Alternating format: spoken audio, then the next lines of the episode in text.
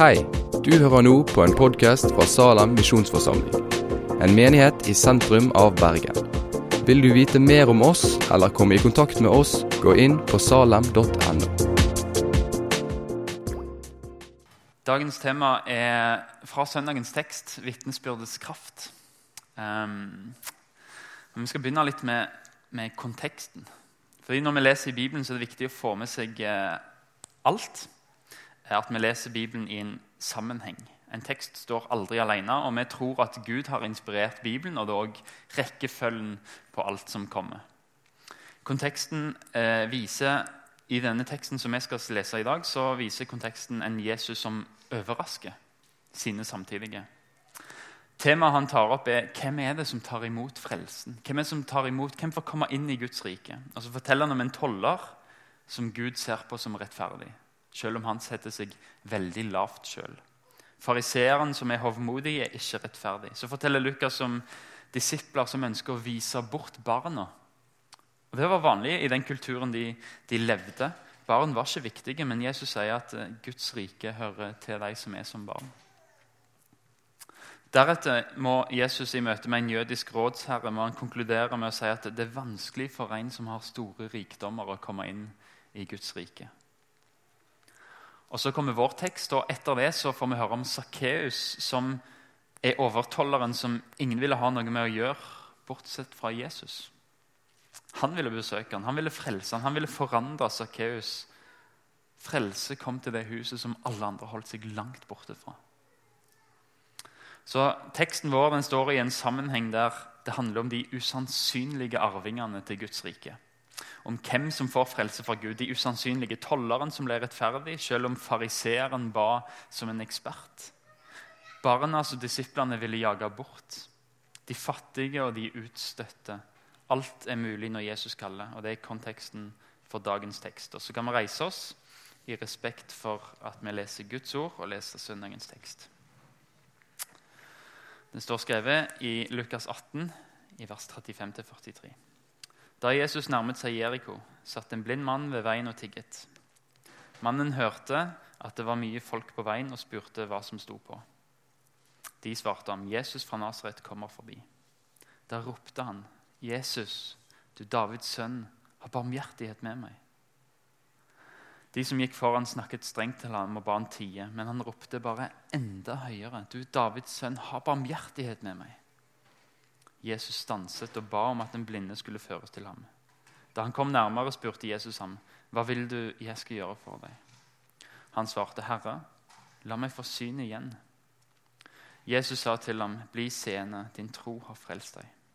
Straks kunne han se, og han ga seg i følge med Jesus og lovet Gud. Og hele folkemengden som så dette, lovpriste Gud. Herre Far, ditt ord er sannhet. Jeg ber om at du kan hellige oss i din sannhet. Hellige Ånd, Tal til våre hjerter, tal til våre sinn. La dette få være ord til tro og ord til omvendelse og ord til liv. Ditt navn. Amen.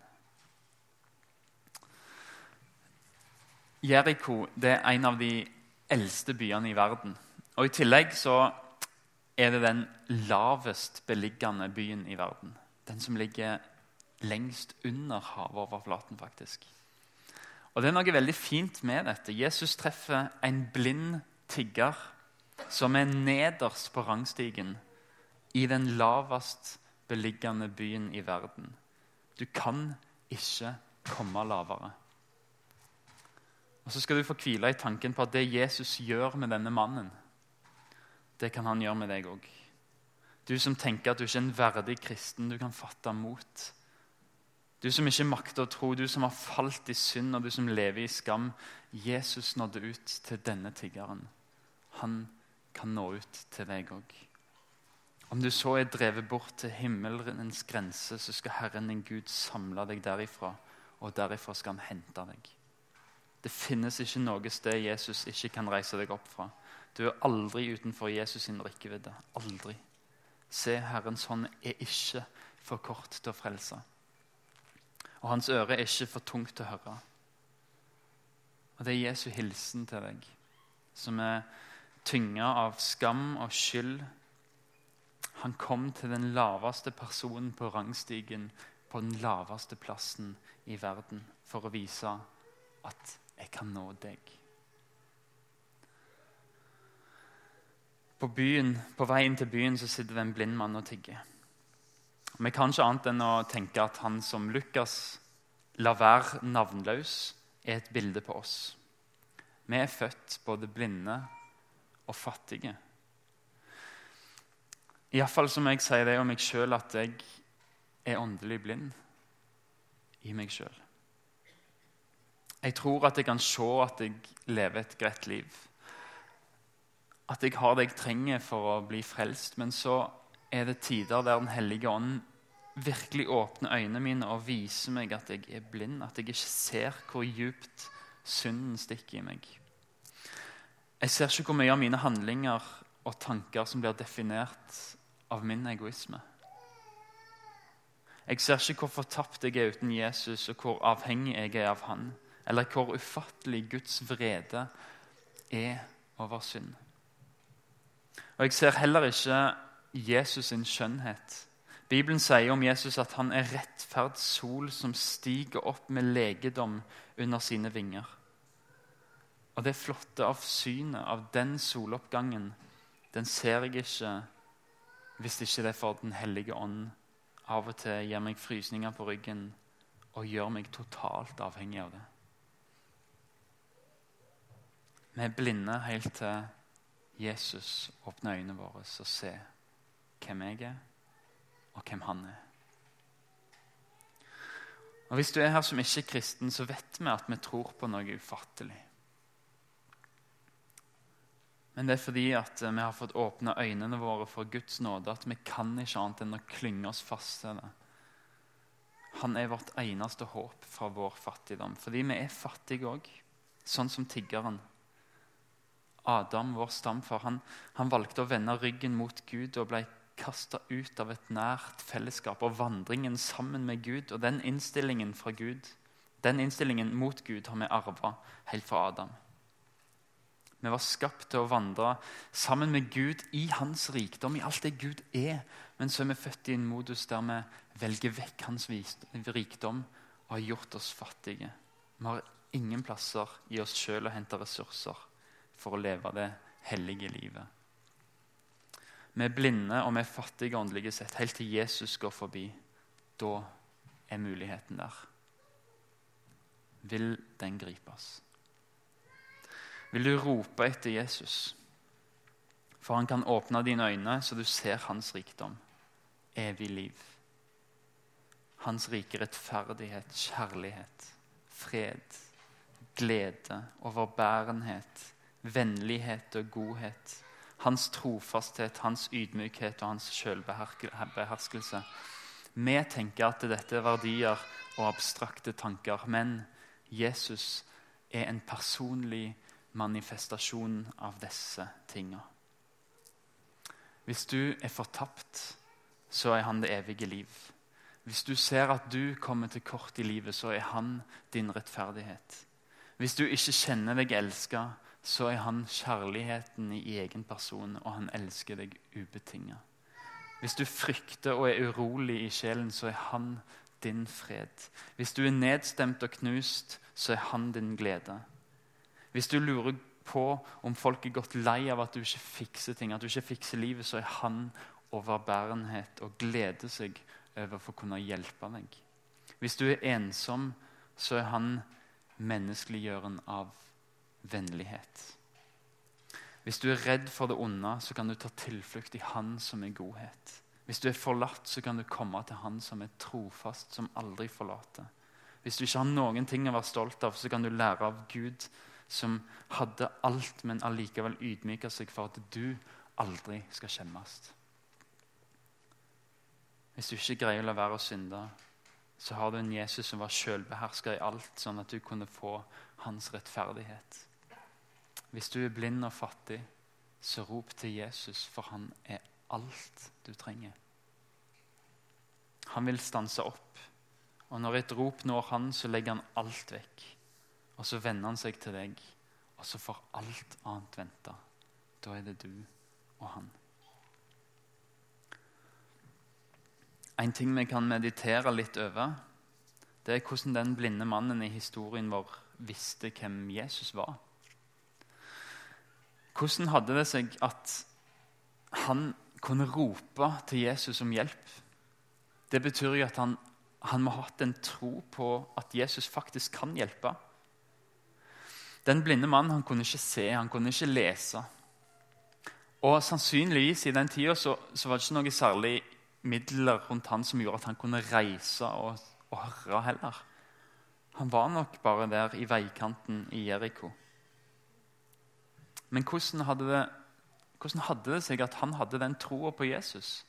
At han ropte ut til Jesus når Jesus kom? Jeg tror at han satt ved veiene inn til Jeriko hver dag. Den faste plassen. Alltid.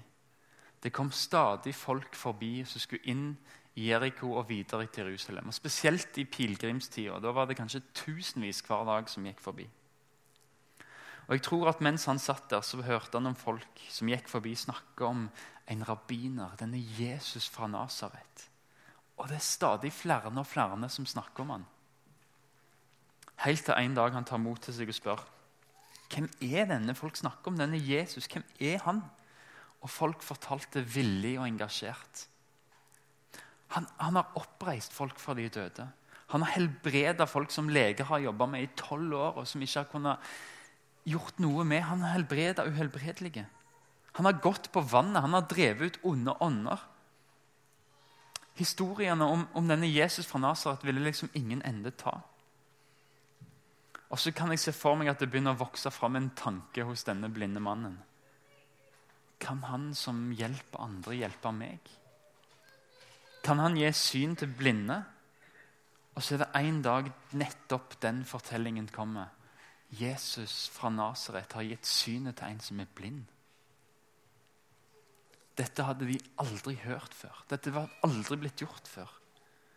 Jeg ser for meg at den blinde mannen drakk disse ordene når han hørte dem. Og Så begynner han å klappe i hendene og begynner å grine. Så sier han det er håp, det er håp for meg òg.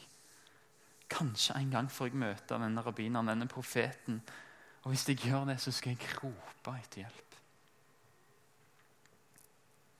Så kommer da troen av det budskapet en hører, og budskapet kommer av Kristi ord. Hva gjør dette med din framtiden for kolleger, for familie, for venner? har de fått høre om hva Jesus har gjort i ditt liv? Har de fått høre om dine bønnesvar? Har de fått høre ditt vitnesbyrd, sånn at det kan vokse fram en tro i dem på at hvis det har skjedd hos han, hvorfor skal ikke det skje hos meg hvis, jeg, hvis den tida kommer at jeg møter Jesus? Noen kan svare ja, det har de hørt. Jeg har fortalt. Noen kan svare nei. Og så er det kanskje noen som sitter og tenker Men hva er mitt vitnesbyrd, da? Hva er et vitnesbyrd? Og vi som har fått i oppdrag å gå med evangeliet, vi, vi må kunne det. Hva er mitt vitnesbyrd? Et vitne forteller om det han eller hun har sett, hørt eller erfart. Vi kan argumentere for vår tro. Men det er sjelden noen som blir kristne pga. et argument. Men et personlig vitnesbyrd er av en annen karakter. Det står eller faller med det vi har erfart, og det vi kan fortelle om. Noen praktiske tips kan være at jo ferskere et vitnesbyrd er, jo bedre er det. Hvis du forteller om et bønnhørelse for 20 år siden, så kan en fort tenke ja, men det er en tilfeldighet. Hvis det ikke har skjedd noe med Gud og den personen på 20 år, så var det bare en tilfeldighet. Det er viktig å fortelle det siste vi opplevde med Gud. For min del har det vært viktig å tenke igjennom egentlig fra halvår til halvår. Hva er mitt vitnesbyrd denne gangen? Hvis noen spør meg nå om jeg er en kristen, og hvorfor jeg er en kristen, hva svarer jeg da? Svarer jeg om noe som skjedde når jeg var spedbarn? Svarer jeg om noe som skjedde når jeg var tenåring? Hva gjør Jesus nå? i livet mitt. Og Jeg vil anbefale dere alle å skrive det ned, sånn at du kan lese det gjennom det. Forme det til noe som er lettfattelig, noe som er forståelig for en ikke-kristen. Og så kan du tenke at hovedspørsmålet du skal svare på, kan være hva betyr det for deg i dag å tro på Jesus? Og Kanskje så kan ditt vitnesbyrd være noe som skaper håp i de du forteller det til. Noe som vekker en tro i dem på at hvis Gud hjalp han med dette, så kan han sikkert hjelpe meg med det jeg sliter med òg. Og sånn som den blinde mannen fikk et tro i hjertet sitt av vitnesbyrdet. Når Jesus endelig kom, så var troen sånn at han ropte i desperasjon på Jesus. Ditt vitnesbyrd kan bane vei for et hjerte som roper etter Jesus når han først kommer forbi. Vær frimodig. Det er ikke du som skal frelse, du skal fortelle oss. Det er Jesus og Den hellige ånd som gjør resten. Om de ikke begynner å tro når du deler ditt vitnesbyrd, så kan det være du allikevel får en takk av dem i evigheten. Vær frimodig. Og etterpå så skal vi gi muligheten, og det kan du sitte og tenke på, hva er ditt vitnesbyrd? Etterpå så er det mulighet for å nettopp gi det her, for å kunne hjelpe hverandre og åpne øynene, sånn at vi ser Jesus når han kommer og roper til ham. Den blinde mannen sitter altså og tigger. Og En dag så hører han masse folk rundt seg, og han spør hva er det som skjer her. Og Så sier de Jesus fra Nasaret kommer forbi. Og det var nok. Det var det han trengte å høre. For da springer han opp. Han visste hva vitnesbyrdet hadde sagt om Jesus. Han visste at dette er min mulighet. Nå kommer Jesus forbi. Hvordan, hvordan får jeg han til å stoppe? Hva hvis jeg får Jesus til å stoppe opp med meg? Er det ikke egentlig det vi alle, alle innerst inne ønsker? At Jesus, som er full av kjærlighet, full av nåde og sannhet, stopper opp og betjener meg? Den blinde vet at dette er kanskje den eneste sjansen. Og så ber han om, om det som det som han virkelig trengte. Jesus har barmhjertighet med meg. Menneskene rundt ham begynner å kjefte, og de sier du må tie stille. Nå, nå, den, Jesus går forbi her, han, han er travel. Men den blinde var desperat, og så ropte han enda høyere. Og der er det noe interessant i teksten. I den greske teksten. På gresk så står det første gang at han ropte på Jesus. Andre gangen så bruker Bibelen et nytt ord for å vise en større desperasjon. Andre gangen så bruker Bibelen et ord som stammer fra ravnen sitt skrik. Et desperat hyl. Du, Davids sønn, ha barmhjertighet med meg. Han roper ut. Og mange sier jeg har aldri lært å be så grensesprengende. Men kan du rope? Jesus er ikke opptatt av de fine ordene. Han er opptatt av det hjerteskjærende, det som får han til å stoppe opp. Kan du rope? Kan du hyle? Kan du skrike i desperasjon? Så kan du be. Og Jesus stopper. Og det gjør han for deg i dag òg. Han står i de gater, han banker på de dør. Og så kan du be sånn som den blinde tiggeren. I desperasjon, om du vil, ha barmhjertighet med meg. Og så sier Jesus, 'Kom til meg og få det evige livet'. Og I dag så sier Jesus til deg, 'Den som vil, la han komme og drikke livets vann for intet'. Han går ikke bare forbi deg. Han stopper opp og så spør han, 'Hva kan jeg gjøre for deg?' Vær så god, spør om det du trenger aller, aller mest. Jeg er veien, jeg er sannheten, og jeg er livet. Jeg kan gi det til deg. Kom til meg og få hvile, liv og frelse. La den blinde mannen i Jeriko få gi deg frimodighet. Jesus er for alle, til og med den laveste på rangstigen i verdens laveste by. Hvor mye mer skal ikke Jesus være der for deg?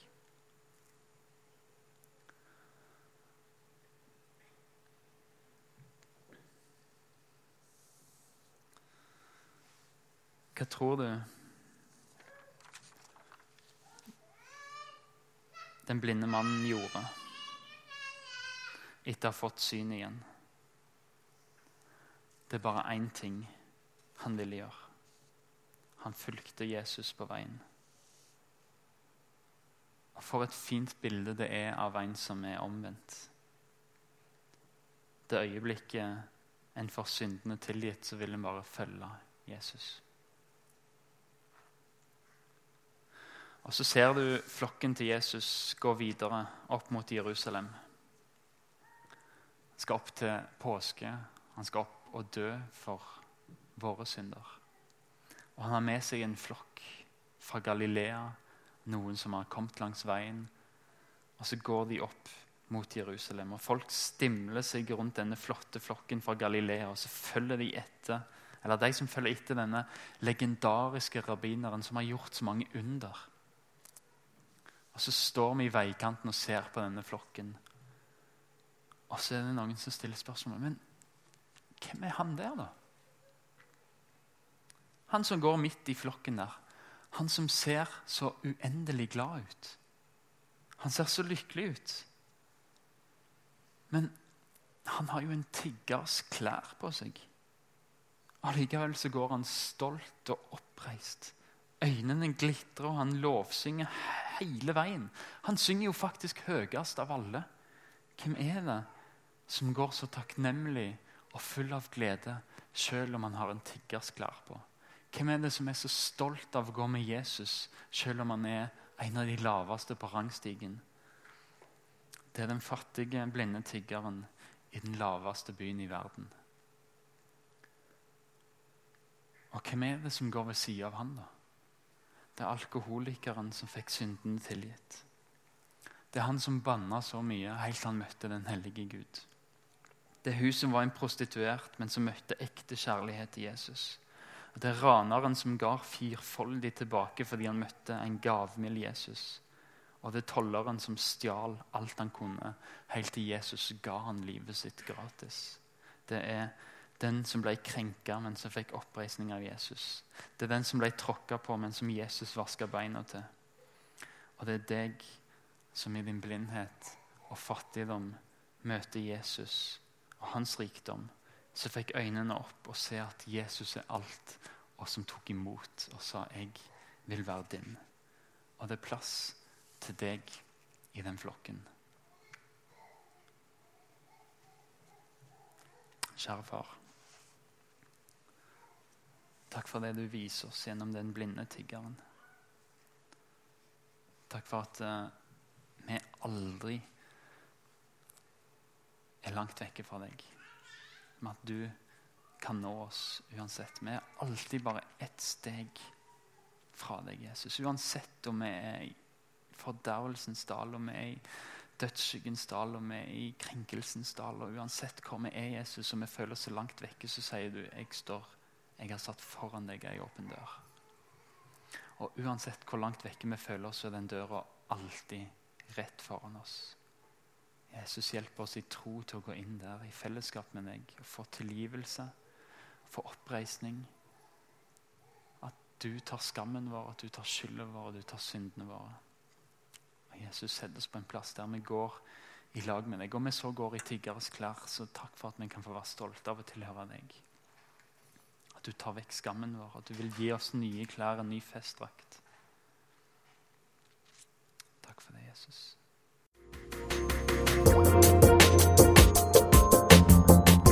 Takk for at du har hørt på podkasten fra Salem, Bergen. I Salem vil vi vokse i et stadig dypere fellesskap med Gud og med hverandre. Vi vil være Jesu hender og føtter, og vi vil være med og forkynne frelse for Bergen og resten av verden. Besøk oss gjerne på salem.no om du vil vite mer.